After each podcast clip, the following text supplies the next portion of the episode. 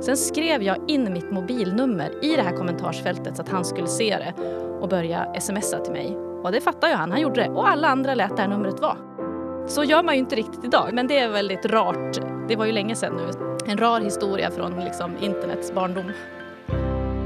Mycket välkommen till Härnösandspodden där magasinet Jippi Härnösand vill berätta mer och längre om någon vi har skrivit om. En podd där vi kan låta folk prata till punkt, där vi får lära känna Härnösands doldisar och kändisar. I Härnösandspodden får ni läsa det som står mellan raderna i Jippi i en uppriktig och gemytlig och nyfiken form. Dagens gäst är Linda Nordlander Frisk, 44-åringen som bor med man och tre barn på Härnön och jobbar som konstintendent på Härnösands konsthall och i Härnösands kommun.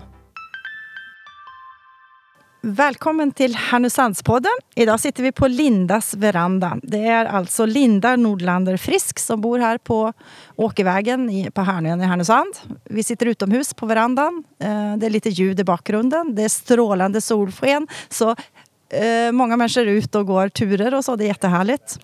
Eh, hej Linda! Hej Karin! Hej! Vad kul att få vara med i er podd.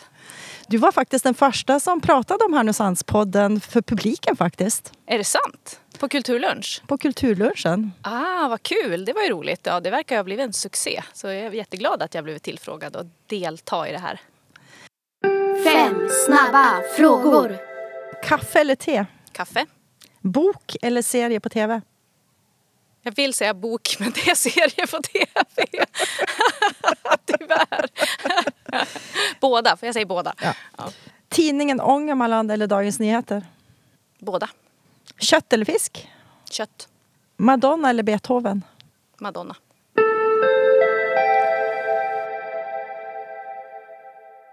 Um, du bor i en ljusblå sekelskiftesvilla här på Härnön med mannen Malte mm. och tre barn.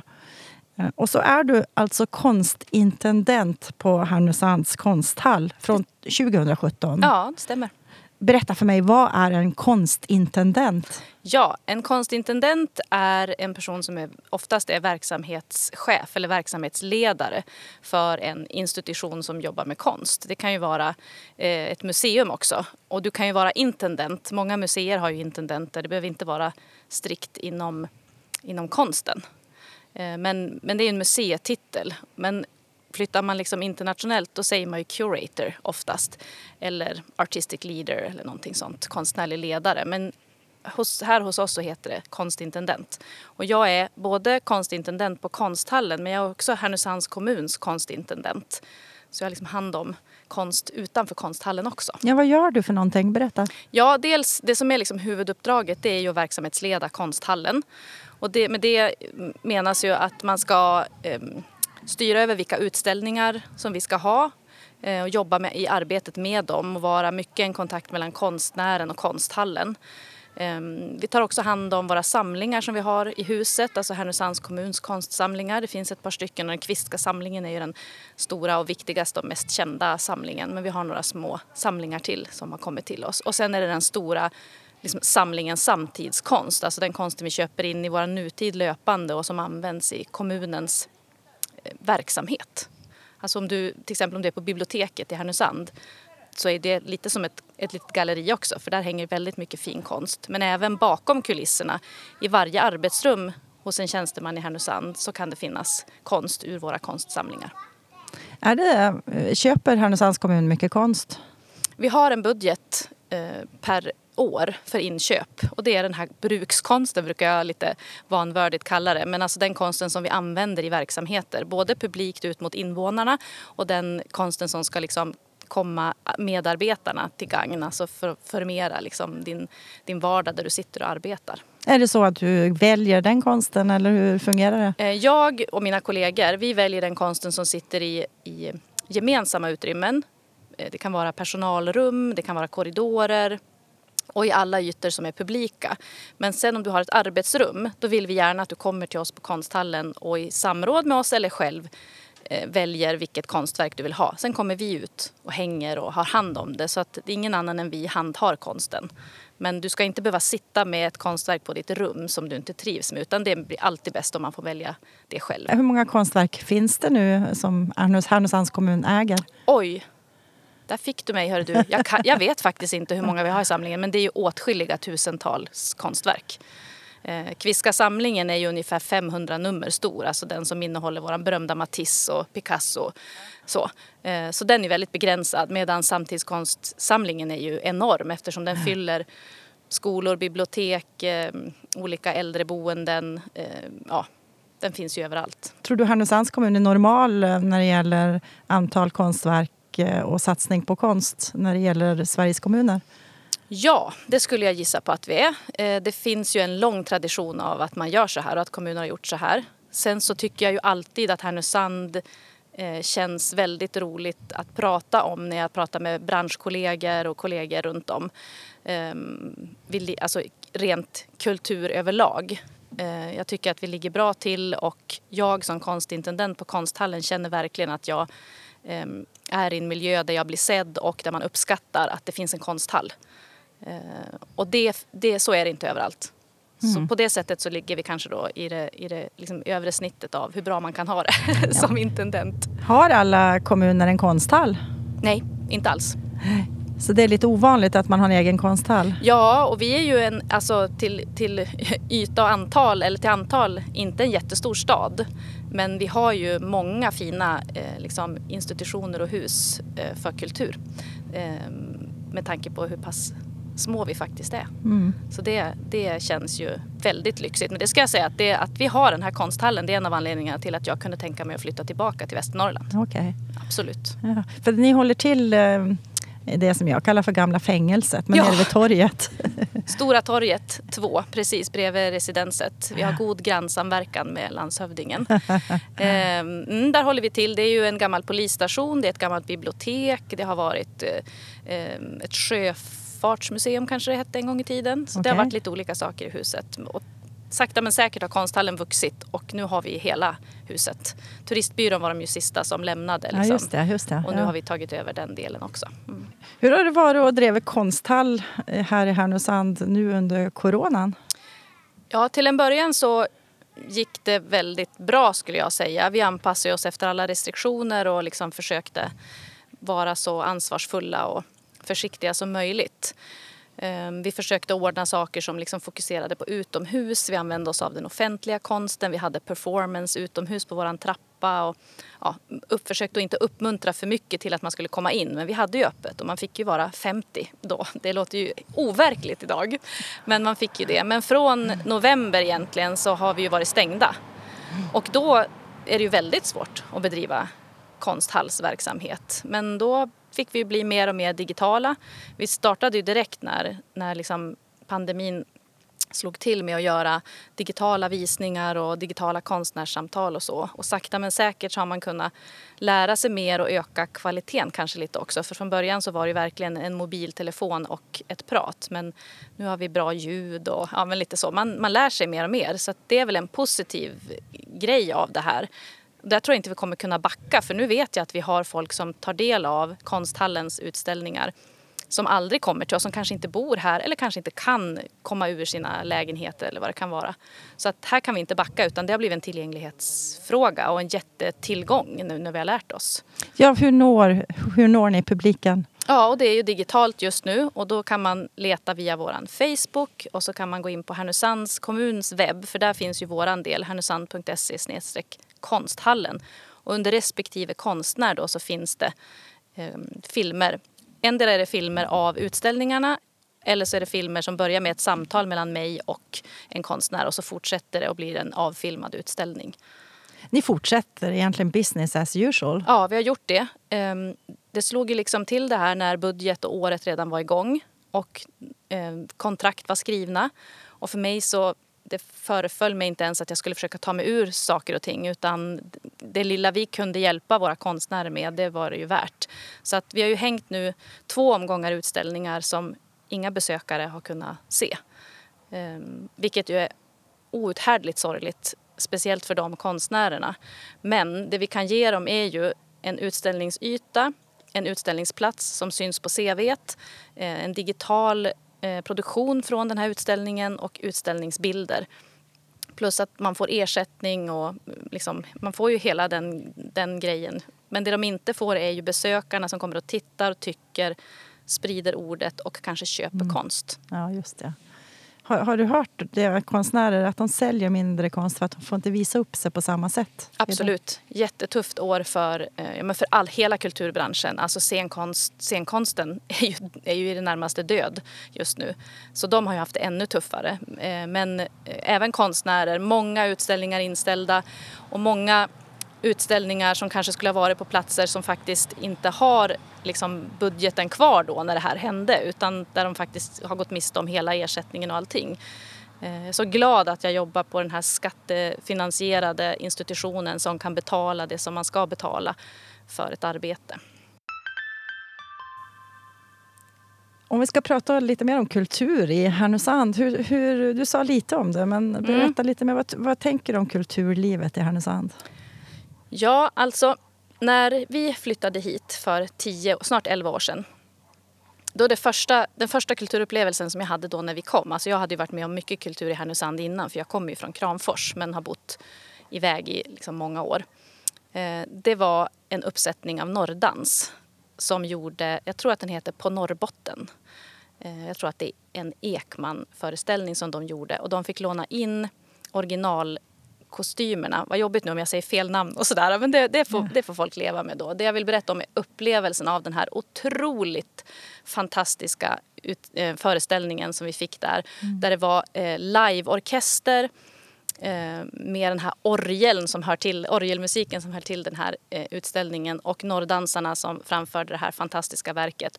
Och jag fick en sån enorm Västernorrlands patriotism Härnösands patriotism. Eh, liksom en, en, en allomfattande kärlek för den här staden som liksom jag hade bestämt mig för skulle bli våran stad. Eh, och därifrån, liksom, det var mitt avstamp i kulturen i Härnösand. Eh, så att, att vi har norrdans, att vi har Technicus som är liksom en annan del av, av kulturen och upplevelseindustrin. Men att vi också har turen att dela stad med vårt regionmuseum är ju helt otroligt lyxigt. Att vi bara har det liksom på armlängds avstånd. Allt är bara fem minuter bort. Eh, alla aktiva kulturföreningar som har burit kulturen fram i den här stan.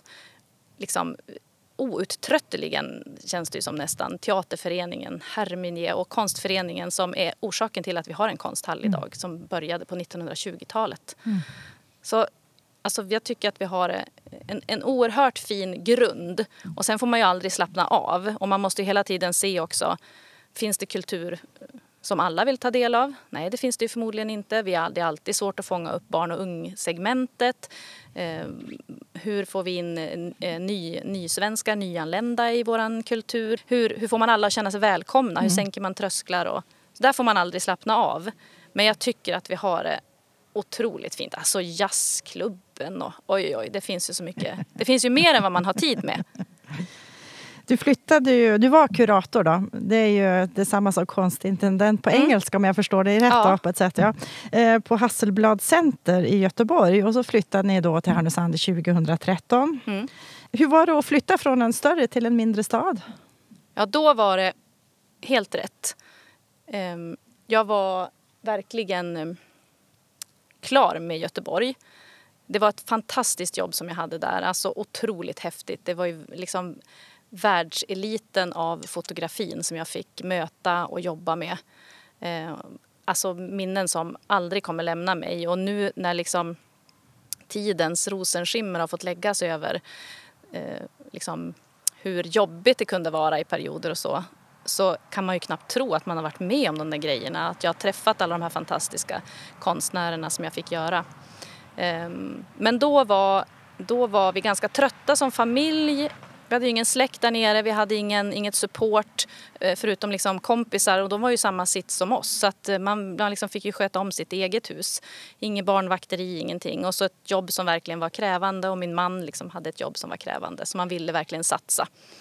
Eh, så när vi landade in här i Härnösand och sommaren var så fantastisk och vi hade den här nya lilla bebisen med oss och vår våran äldre dotter och vi kunde flytta in i vårt sommarhus det första vi gjorde och vänta på den här fina lägenheten som vi hade landat i stan. Och, äh, det var bara skönt. det var bara som att andas ut och liksom starta om och allting var fem minuter bort och ja, det var oerhört härligt. Jag kan det hända att du saknar eh, storstaden ibland? Absolut. Eh, speciellt nu när, liksom, när det har gått tio år och eh, ja, som sagt, det har blivit lite mer rosenskimrande vid Göteborg men även Stockholm. Jag längtar alltid till Stockholm och liksom puls och att se andra saker än det man ser här. Men eh, jag är hemma i Härnösand. Men speciellt efter det här året eh, av ingenting, fast jättemycket ändå, så längtar man ju efter intryck. Vilka slags intryck tänker du då? Men alltså jag kan nöja mig med en uteservering i Stockholm där det myllrar lite grann och jag får äta något gott, kanske dricka ett glas champagne och bara titta på människor. Jag kan sätta mig på Dramatens trappa i Stockholm och där kan ni lämna mig så kan jag bara sitta och titta en stund, en timme eller sådär för att få liksom bara titta. Och sen så längtar jag ju efter konsten och musiken och allt som vi har ställt in under det här året. Jag skulle på opera med min svärmor och ja, sådana saker. Mm. Lite sådär unn i tillvaron. Så sett så coronaåret i en liten stad och en stor stad, vad tror du eh, om det? Alltså jag träffade en kompis när jag var ute och promenerade igår. Och vi landade väl i det att vilken tur ändå att vi har bott i den här stan under det här året. För hur enkelt det är för oss att bara kliva ut genom dörren och kanske gå upp i en skog eller gå ensam på en gata och få andas. Liksom. Men framförallt att naturen är nära och det kanske har varit räddningen för många. Att man har kunnat må så bra ändå i det här. Och att många av oss, absolut inte alla, men många bor ju i hus i Härnösand och att man har en tomt att gå ut på. Tänk alla människor som sitter runt om i världen i små lägenheter och där det är mycket hårdare restriktioner. Oj, oj, oj. Det, så att jag tror att det har varit oss till gagn med den här, den här lilla staden, femminutersstaden. Coronastaden Härnösand. Uff, det, så vill vi inte säga. Du har ju andra sidor av dig själv också som vi vill prata om idag. Då. Du har ett Instagramkonto. Jag har ju det. Ja, stil, inredning, mode. Berätta. Ja, eh, det är, ja, jag skulle säga att stil är väl huvudspåret, alltså kläder. Och det är oftast mina kläder, eller kläder som jag gillar, eller uttryck som jag gillar.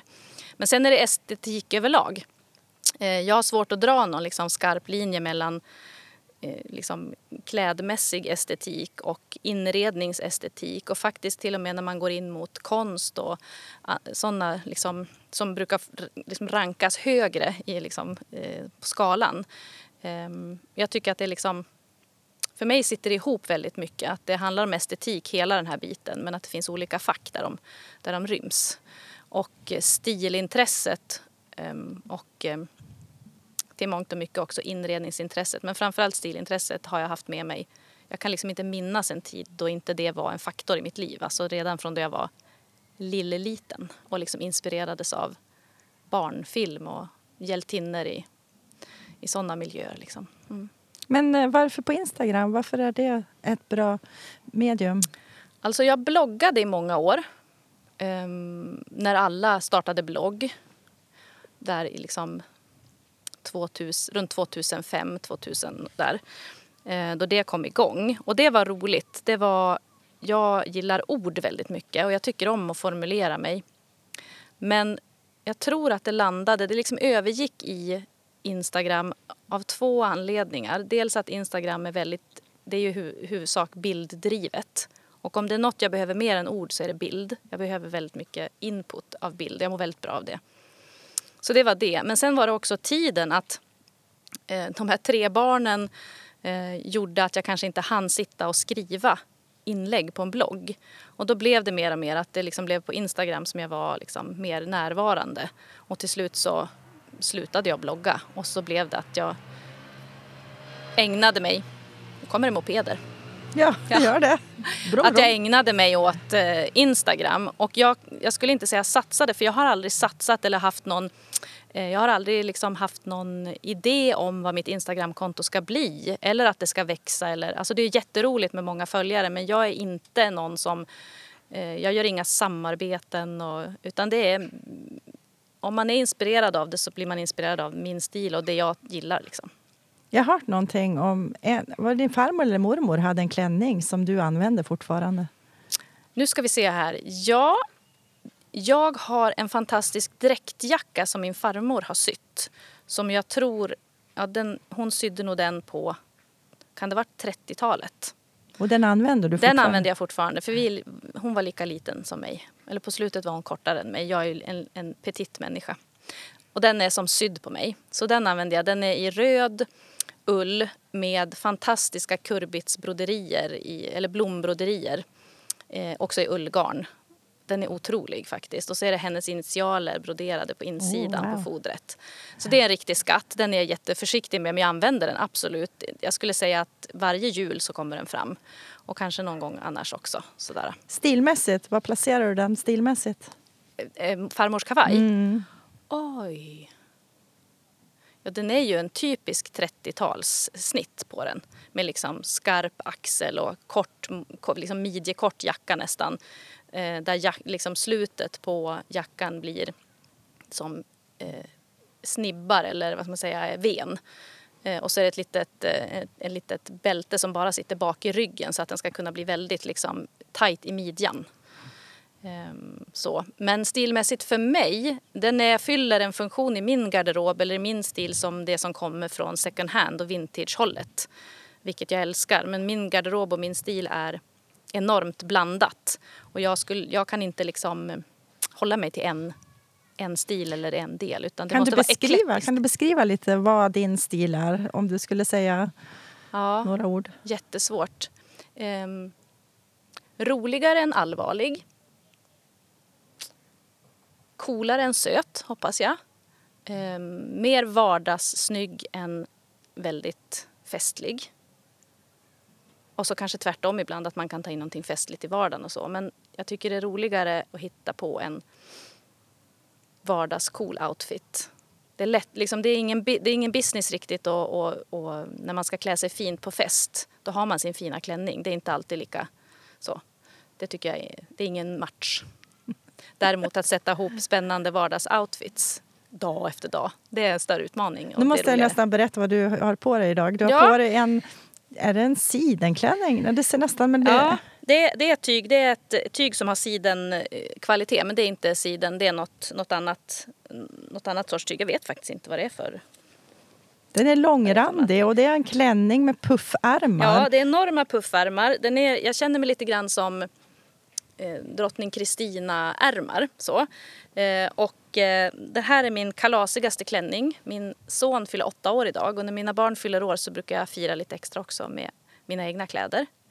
Eh, och den är väldigt rolig, den är väldigt stor och tar mycket plats. Och det är nästan som att ha på sig en möbel för att den, den liksom rör sig lite själv. Den är lite stel i tyget och lite frasig. Mm. Och den har jag över ett par mörkblå jeans och ett par sneakers. Ett par vita sneakers som är min dotters faktiskt. Som jag har, hon har liksom växt om med mig så jag börjar få ta över hennes. Så det är en, din födels, födelsedagsklänning då? Ja, det är en väldigt... Och jag har den, jag har den ganska ofta. Så fort jag vill känna mig lite, är lite extra glad eller liksom så. Fredags, kul på jobbet eller sådär. Så har jag den här. Vi sitter utanför ett, eh, det här huset Eh, och jag eh, har ju bara kikat in. Det är ju corona Mm. så vi sitter ju ute. Då. Det är ju därför vi sitter ute. Yes. Eh, Men eh, jag kikar ju lite in där och jag såg ju bland annat kakelugnar, konst eh, och det känns som här är det någon som har tänkt inredning.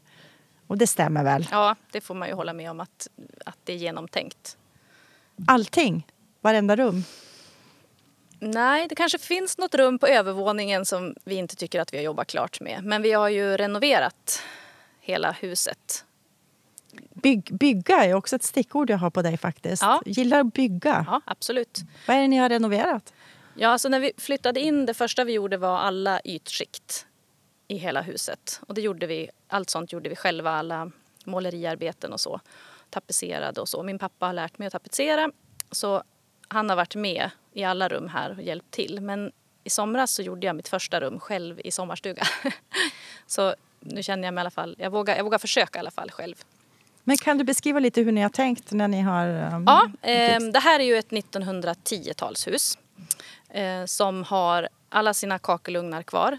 ingen har rivit ut något här utan man har varit väldigt försiktig det, och behållit trägolv och sådana saker. Um, så vi har, liksom spa, vi har försökt vara um, trogna husets liksom, tillkomstår eh, när det gäller att liksom bevara stuckaturer och snickerier och sådana saker. Och när vi har satt upp tapeter så har vi försökt att, att liksom gå från 1920 och så bakåt. Att inte liksom det finns ju, alltså tapet finns ju, man kan ju förlora sig i det och det går ju att göra hur roliga grejer som helst. Men vi har försökt vara liksom den här lite äldre stilen trogen. Men däremot när det kommer till lampor, eh, mattor, konst och i viss mån möbler. Då får det gärna vara samtida och komma från en massa olika stilperioder. För jag skulle inte klara av att bo liksom i ett museum eller att det är liksom, nej, nej, nej, det där är inte sekelskifte, det kommer inte in här. Så just nu så har jag lite problem med vår matsal för där tycker jag att det är för mycket bara gamla möbler. Så nu liksom håller jag på med någon slags rockad i huvudet. Och då slänger du ut eh, lite av det ja, gamla? Då, då, flyttar jag om i huset. Oh, jag så jag har ett skåp på övervåningen som har liksom en mera samtida framtoning. Det ska få flytta ner och så får skänken flytta upp. Nej, det slängs inte runt saker och det, det är verkligen eh, mycket andra hand och loppis och så här inne i det här huset. Du har mycket konst på väggarna, eller ni har mycket mm. konst på väggarna. Eh, vilket konstverk betyder mest för dig? Ja, får jag säga tre? Okay. ja, mm. Det finns ett av en konstnär som heter Marit Ilis som vi fick av henne när vi gifte oss, jag och Malte. Eh, det är ett viktigt eh, konstverk och det är ett av de första liksom, riktiga och fina konstverken som landade hos oss. Sen fick vi konst av fler vänner då när vi gifte oss. Så nu känner jag mig taskig att jag inte tar upp några fler. Men jag, jag säger Marits eh, konstverk med bruden. Sen så finns det ett verk av en konstnärsduo som heter Cooper Gorfer. Ett fotografiskt verk. Och det fick jag av kollegorna och de två konstnärerna när jag lämnade Göteborg och slutade på Hasselblads. Eh, och de är två av mina liksom stora favoriter i konsten. Och sen så finns det ett eh, ett mindre fotografi av en fotograf som heter Mikael Olsson där han har varit i ett av Bruno Mattssons hus och fotograferat. Och dels så är det viktigt för att det är så otroligt vackert. Det är nästan som en ädelsten för det, det liksom lyser nästan det fotografiet. Men sen också för att det var ett, ett eh, hårt jobb att få till den utställningen och vi liksom jobbade hårt med det och då blir det här fotografiet som ett kvitto på um, att det blev bra. Mm. Mm. Så jag, jag nöjer mig där. Men jag kan prata länge om våran konst. jag tvivlar inte. Du växte upp i Nya Dal vid Höga Kusten-brons fäste, stämmer det? Jajamän, bästa byn, livets bästa by. Ja, din barndom, ja. hur, var, hur såg den ut? Det var ju en väldig idyll, absolut. Den där lilla byn, 20 ungar, i liksom ett åldersspann som det kanske skilde fem år från yngsta gänget till den äldsta. Drev runt i liksom klungor i den där byn och då fanns inte bron, Höga Kusten-bron, utan det var färja. Så efter, ja, när gick sista färjan? 10.20. Så sommarkvällar efter 10.20 då var byn stängd. Då fanns det inget farligt, ingenting kunde komma åt oss. Och eh, vi var helt fria i den här byn. Vi bara rände runt jag har förstått så var det en kompisgäng du fick då som du fortfarande håller kontakten ja, med. jag har mina bästisar kvar. Ja, du säger bästis. Det är ju inte alla som gör det. Varför, varför, vad är bästis? Vad är en bästis för dig? Eh, jag har, dels har jag väldigt många bästisar från olika skeden av livet. Eh, jag tycker att det är ett roligt ord att hålla kvar i trots att man är liksom 44. Ehm, men de där barndomsbästisarna, eh, de var ju liksom de original bästis, de som har funnits med från första början och de som man kanske litar på till 100 procent och som fortfarande finns idag ett telefonsamtal bort så vet jag att de kommer om jag ringer. Eh, vi är fem tjejer nu som är, liksom i, som är någon slags originalgäng. Men sen så har vi ju alltså det här stora gänget är ju också, jag, jag har dem väldigt nära hjärtat fortfarande. Jag tänker om jag säger röda och vita rosen? Blodigt allvar! och ett krig som sträckte sig över eh, många somrar med livet som insats. Men det är inte alla som vet vad det är, vet du? Nej, Röda vita rosen är ju det är från början Astrid Lindgren och eh, Kalle Blomqvist som har liksom satt det här på kartan. Och vi plockade upp det. Jag tror att det var jag som hittade på att vi skulle plocka upp det. Och det första vi gjorde var att skaffa oss en, en stor mumrik. Och det är ju alltså eller heter det snusmumrik? Nu blir jag osäker. Stor Snusmumrik i Mumintrollet. Ja just, det, ja, just det, det är det. Ja, då är det stormumrik. Och det är ju alltså skatten som man slåss om. Och då hittade vi en stor grön glasklump från eh, glasbruket på Svanö, Sandö. Eh, hos en tant i byn.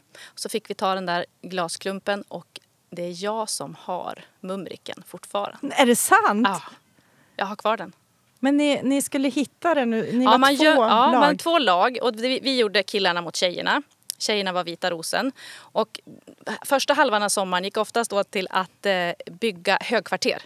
Man, liksom så. Och tjejerna la ner otroligt mycket energi på att bygga sitt högkvarter. Det var liksom, och varje år hade man ett nytt högkvarter. Så det gällde att hitta en lada eller eh, ett, liksom ett uthus som man fick använda och så byggde man högkvarter. Och sen så började kriget och då lottade man kanske, jag kommer inte ihåg hur vi kom överens om det, men vem som fick börja gömma mumriken.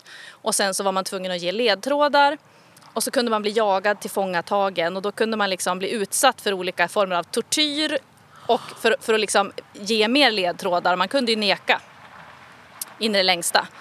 Eh, Så jag har blivit slängd i vattnet och bu- fastbunden vid ett träd och ja, hållen fången. Såna. Kommer du ihåg hur du vann den till sist? Vad var det som hände till sist? Jag minns inte. Du, minns, du, du vet att du har den? Ja, jag vet att det är jag som har den och eh, att liksom, till slut blev vi väl för stora gissar jag för att liksom tycka att vi skulle leka den här. Vi fortsatte att bo i högkvarter dock. Jaså? ja, gjorde vi. Är det några högkvarter som är kvar uppe i Nya Dal? Jag tror inte det. Jag tror att de är borta, alla högkvarteren. Kanske något i tant Mias uthus som, som liksom står orört. Men annars så är, har de nog försvunnit allihopa. Eh, Jag vet att du har ett stort socialt nätverk idag också, inte bara när du var barn. Mm. Även, om, även om det kanske var en liten bygd så var det ju många barn. Mm. Eh, eh, hur skapar du nätverk idag? Och vad betyder nätverken du har, vännerna du har? Ja, jag är ju en väldigt social person och har ett stort behov av att vara social. Jag mår väldigt bra i sammanhang. Och det, jag kan må bra i sammanhang där jag inte känner så många heller, eller några alls. Alltså jag kan verkligen tycka att det är roligt att åka till Stockholm och vara inbjuden på något event eller någonting sånt där jag inte känner någon annan utan vet att alla jag ska träffa nu träffar jag för första gången eller så. Men ehm, jag älskar också att tillhöra gäng. Alltså det, det har liksom varit genom hela mitt liv har jag älskat när jag har ett gäng. Och jag har ett gäng från Umeå från studietiden och jag har ett Göteborgsgäng och jag har mitt gamla barndomsgäng och så. Eh, och Härnösands gäng, det är ju jättestort. Eh, umgänget i Härnösand. Det är ju många, många fler vänner än vad man hinner liksom träffa och underhålla. Ehm, Och så sen å andra sidan då behöver jag kunna få backa och vara helt solokvist med familjen eller kanske till och med helt själv också. Men jag är en social eh, varelse eh, och ganska bra på att vara social också tror jag. Jag tror man, det, det, det är bra att ha med mig för då, då jag kan binda ihop det liksom. Använder det, det är en egenskap Mm. som du har då. Eh, använder du det när du jobbar också? Ja, absolut skulle jag säga. Eh, Jag tror att i grund och botten så, så kommer det ur en vilja att dels att människor ska må bra och vara avslappnade. Eh, Och då måste man vara snäll och så måste man vara tillåtande. Och det här är viktigt för mig på många sätt och speciellt i mitt yrke. För konst har ju liksom ett rykte om sig eller liksom, det är någonting som kommer med det begreppet som är svårt. Och att människor kan känna sig blyga inför det eller rädda inför det och så. Och där tycker jag att vi som jobbar med de här sakerna har en jätteviktig uppgift i att folk ska kunna landa in på konsthallen utan att känna sig liksom generade eller bortgjorda eller så. Eh, och jag är bra på det. Ja, men det är fint. Jag, jag eh, förstår ju också någonting att det ligger i röda vita rosen-kunskapen där. Mm, just det, precis. Och så måste vi ju också då i den här sammanhangen prata om mat och dryck. Ja. Alltså, vilken mat lagar du till vardag och fest? Ja, ja, vi är ju, både jag och Malte, min man, är ju väldigt matintresserade. Så att vi ger oss gärna på liksom nya, nya grejer. Vi kan säga, men nu har vi lagat allting så många gånger, vad ska vi hitta på? Och så blir det att bläddra i kokböcker eller mattidningar och så hittar man något nytt som man vill ta sig an. Men jag, alltså jag gillar nog att laga all möjlig mat. Det har blivit så att när det ska stekas, alltså rena kötträtter, då är det oftast Malte som har hand om köttet. Jag vet inte om det är traditionellt eller inte, men det har blivit så. Och jag, jag gillar ju smakkombinationer. Alltså, jag är en fena på dressingar och röror och när det ska liksom kombineras ihop kryddor. I olika smaker. Ehm, jag, skulle inte kunna, jag kan inte säga riktigt vilken sorts mat som jag helst lagar. Men jag vill att det ska vara mycket på bordet och det ska finnas många olika komponenter. Inte liksom kött och potatis. Utan det ska finnas mycket att välja på. Så gillar man liksom inte huvudspåret då finns det massa andra skålar där det ligger andra grejer. Och det kan vara liksom goda sallader, många olika sallader till varje målmat till exempel. Gärna en varm sallad om man kan få till till exempel. Du nämnde ju potatis Ja. nu. Det reagerar jag lite på för jag har hört några rykten där när det gäller dig och potatis. Ja, jag äter inte potatis. Har aldrig ätit potatis. Eh, eh, bara förklara det för eh, svenska folket. Ja. Nej, jag tycker inte om smaken och jag tycker inte om konsistensen. Så potatischips går bra. Alltså, det är inte min bästa favorit heller, men, men det kan jag liksom få i mig. Men jag kan, en kokt potatis kan inte jag få ner. Alltså det, det går inte. Punkt. Punkt. Så slut. är det. Ja, Ja. Ända från födsel. Men eh, så kanske jag också någon har nämnt här någonting om lasagne. Det är ett sorgligt kapitel. Mm. Det är sorgligt för jag gör ju eh, världens godaste lasagne. Eller då näst godaste lasagne. Nej, men jag vet att du tänker på en, eh, en mattävling eh, som jag och en kompis här i stan eh, var med i. Det var bara han och jag som tävlade. Och eh, det var våra vänner som, som ordnade det här. Det var för att både han och jag hävdade att vi gjorde den godaste lasagnen. Okej. Eh, och de styrde upp den här tävlingen och jag och Hans, vi mådde så fruktansvärt dåligt under tävlingens gång. Eh, vi var så himla nervösa så vi stod i köket och hade ångest medan juryn satt och åt. Och det var verkligen seriöst liksom, med poängsättning. Det var liksom konsistens och utseende och smak och ingredienser och allt möjligt. Och då vann han med en halv poäng.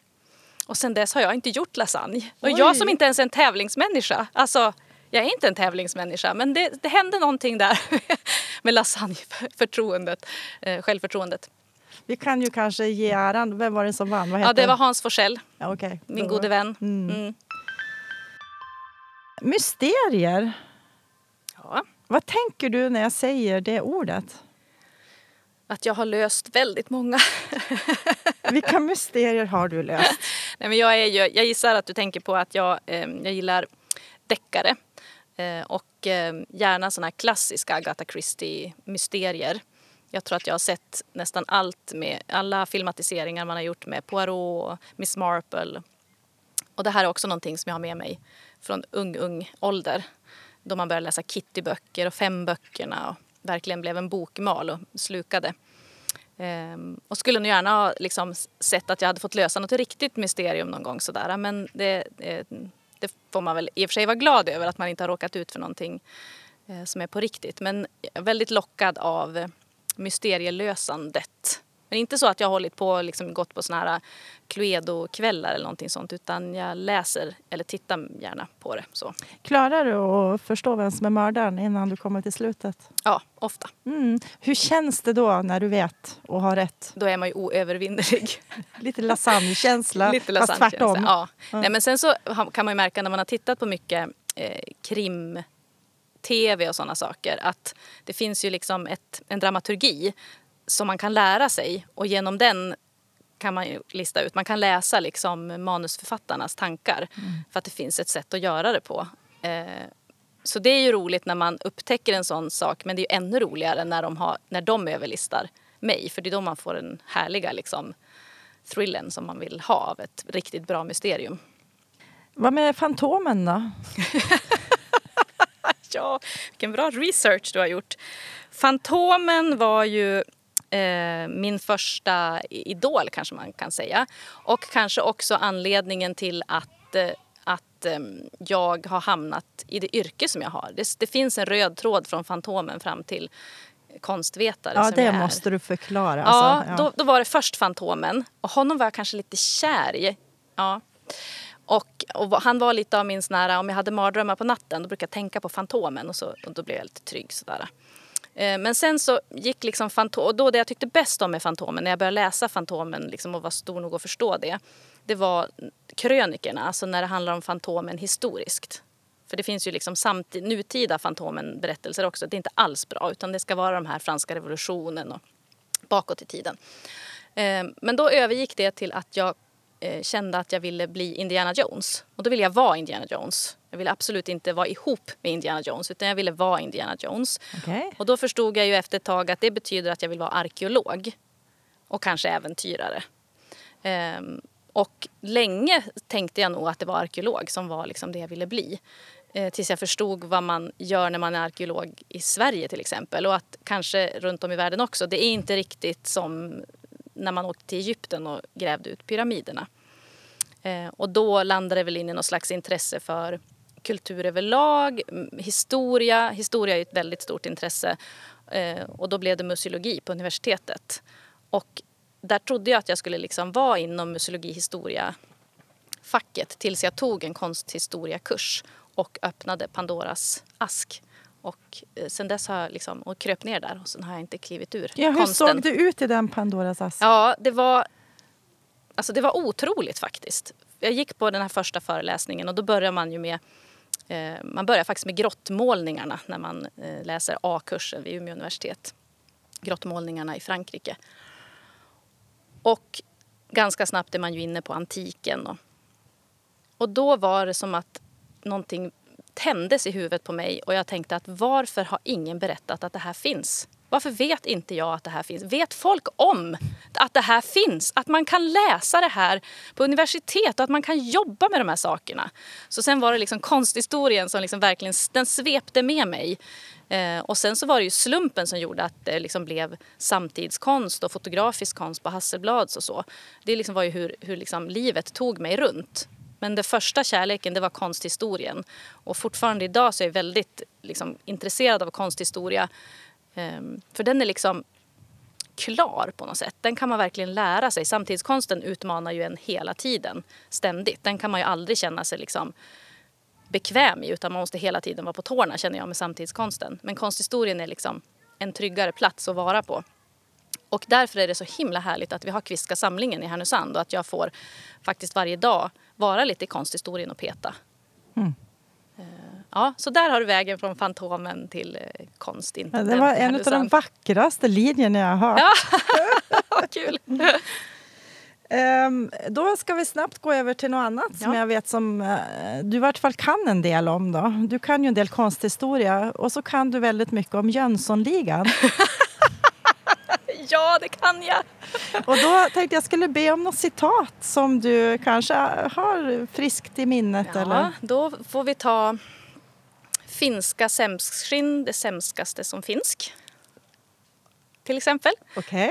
Eh, Det är Sickan som sitter på en uteservering på Mallorca och eh, ser över sin inbrottsutrustning. Och då har han ju ett sånt sämskskinn som han putsar stetoskopet med som han använder på Frans Jäger eh, kassaskåpen.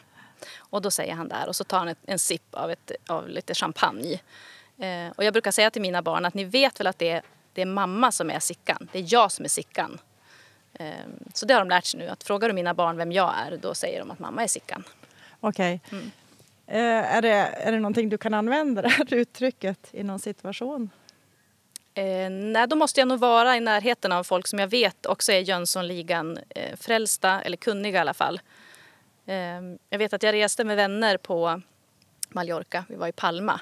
Och där är ju, det är ju en av liksom, de mest kända Jönssonligan-filmerna som utspelar sig där, Katedralen i Palma.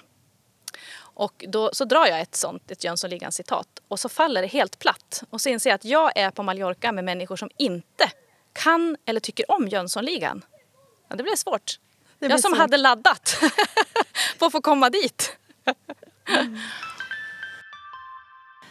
tänkte gå tillbaks några år igen. Ehm, eh, du är ju gift med Malte. Mm. Hur träffades ni?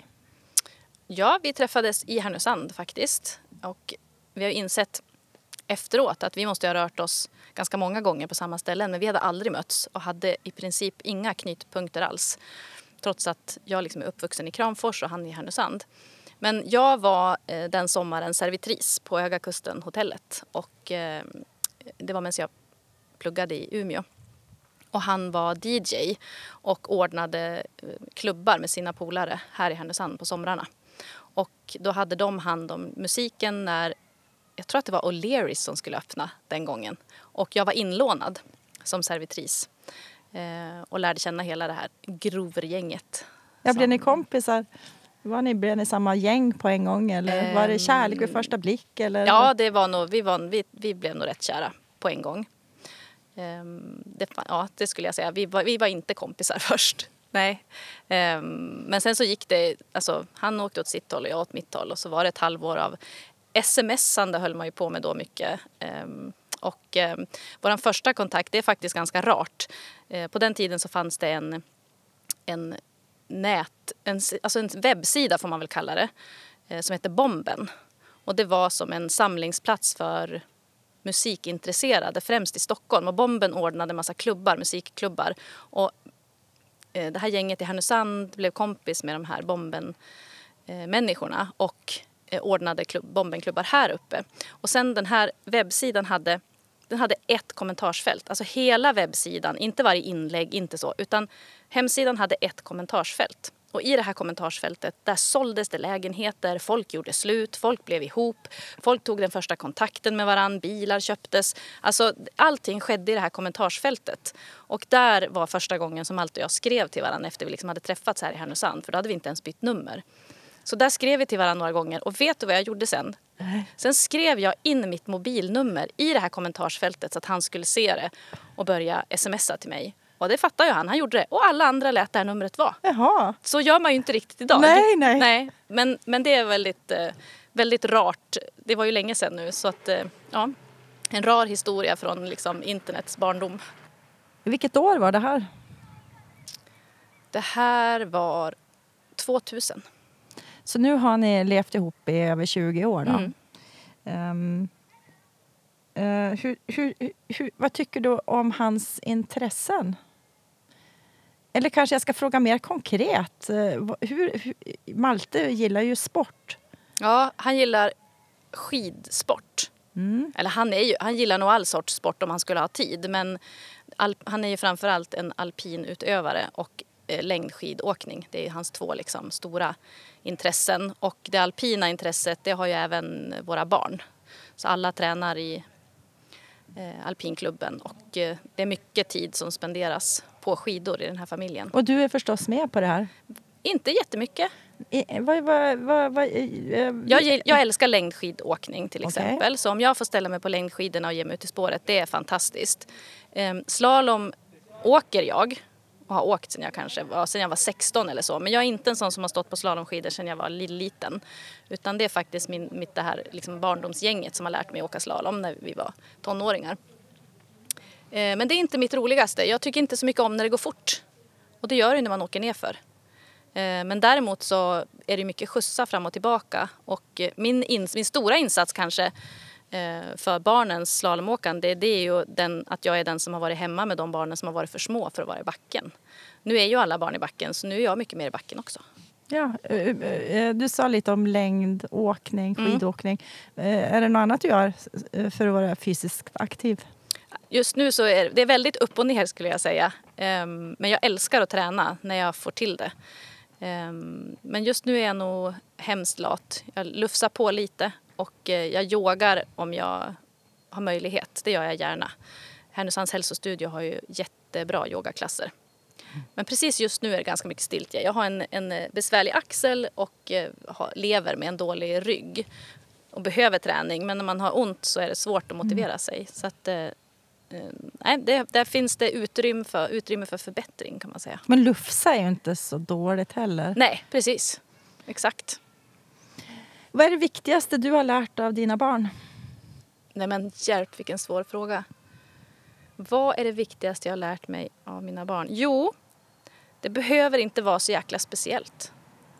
Alltså barnen gillar ju... Du kan ju köpa vilka mest liksom, avancerade leksaker som helst till exempel. Och så vill de leka med ett eh, burklock.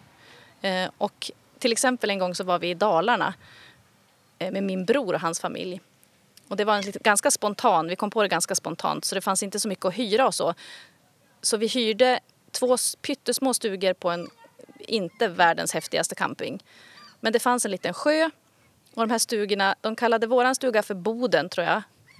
och deras stuga för skjulet eller någonting sånt där. Det var ungarna själva som döpte de här. Och de pratar fortfarande om den där semestern. Om hur fantastiskt det var på den här semestern. Och då hade vi liksom en liten ihopfällbar grill som vi lagade mat på. Eh, och det var inga åthävor alls. Men det är den de minns. Och då har vi ändå tagit dem liksom Europa runt och så. Men det där, de där två små stugorna i Dalarna, det, var, det satte sig liksom. Hur gamla är de idag? Nu ska vi se då. Vi har, jag har min 14-åring, nyss fyllt 14. Ehm, och så vår mellantjej, hon fyller 11 i juni. Och min yngsta, han fyller 8 år idag. Så att idag firar jag trebarnsmammaskapet, åtta år helt enkelt. Vad är det viktigaste du har lärt dina barn? Det vet inte jag. Um, anything goes kanske. Alltså, de, de kan vara trygga i att det spelar ingen roll. Bra eller dåligt så ska de komma till oss och så får de beröm ändå eller så, och stöd.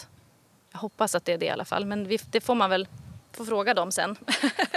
Vad var det, som, vad var det egentligen? vad var det egentligen ni hade ut av det här med föräldrar?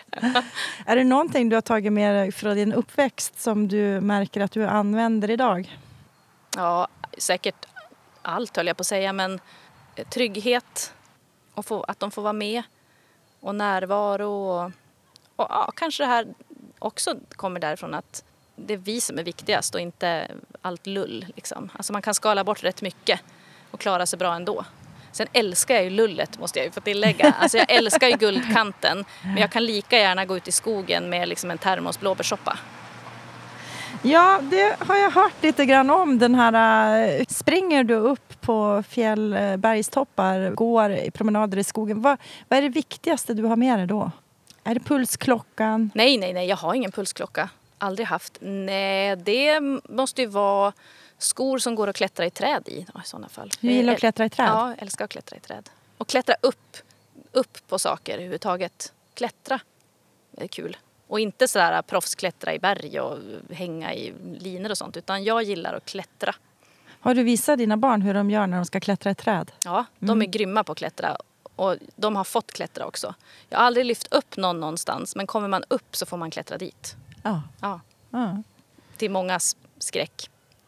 Som har liksom stått bredvid och tittat på när jag låter mina barn klättra upp på saker. Vad säger du om de uh, slår sig? Fast de har nästan aldrig peppar peppar slagit sig i de situationerna. Alltså det, hand, det handlar väl om alltså att, att lita på dem med, men ändå med något slags osynligt koppel. Men man lär ju känna sina barns kapacitet. Och låter man någon prova att klättra eller hålla balansen på någonting eller så, då, då, då lär de sig det också.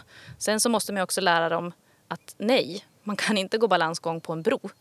Alltså det måste finnas någon slags sån faratanke i det också. Lära sig att värdera faror? Ja, precis.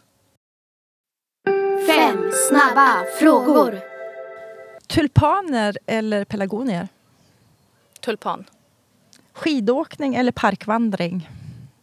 Parkvandring? Eh, förlåt, det här ska eller vara snabba. Gå, ja, alltså, alltså, promenera fint i en park? Ja, liksom lite. Ja. Nej, men då tar jag skidorna tror jag. Smitingen eller Kanarieöarna?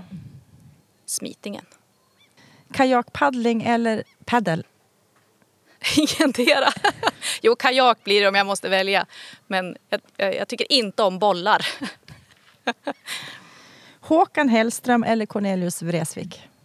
Nej, men det, då säger jag båda. Där kan man inte välja. De, de är lika bra? Och de är kanske samma? Ja, det är liksom... Den, den, det som den ena har gett den andra. Eller liksom, den ena skulle inte finnas utan den andra. Vilken musik eh, lyssnar du på när du ska slappna av?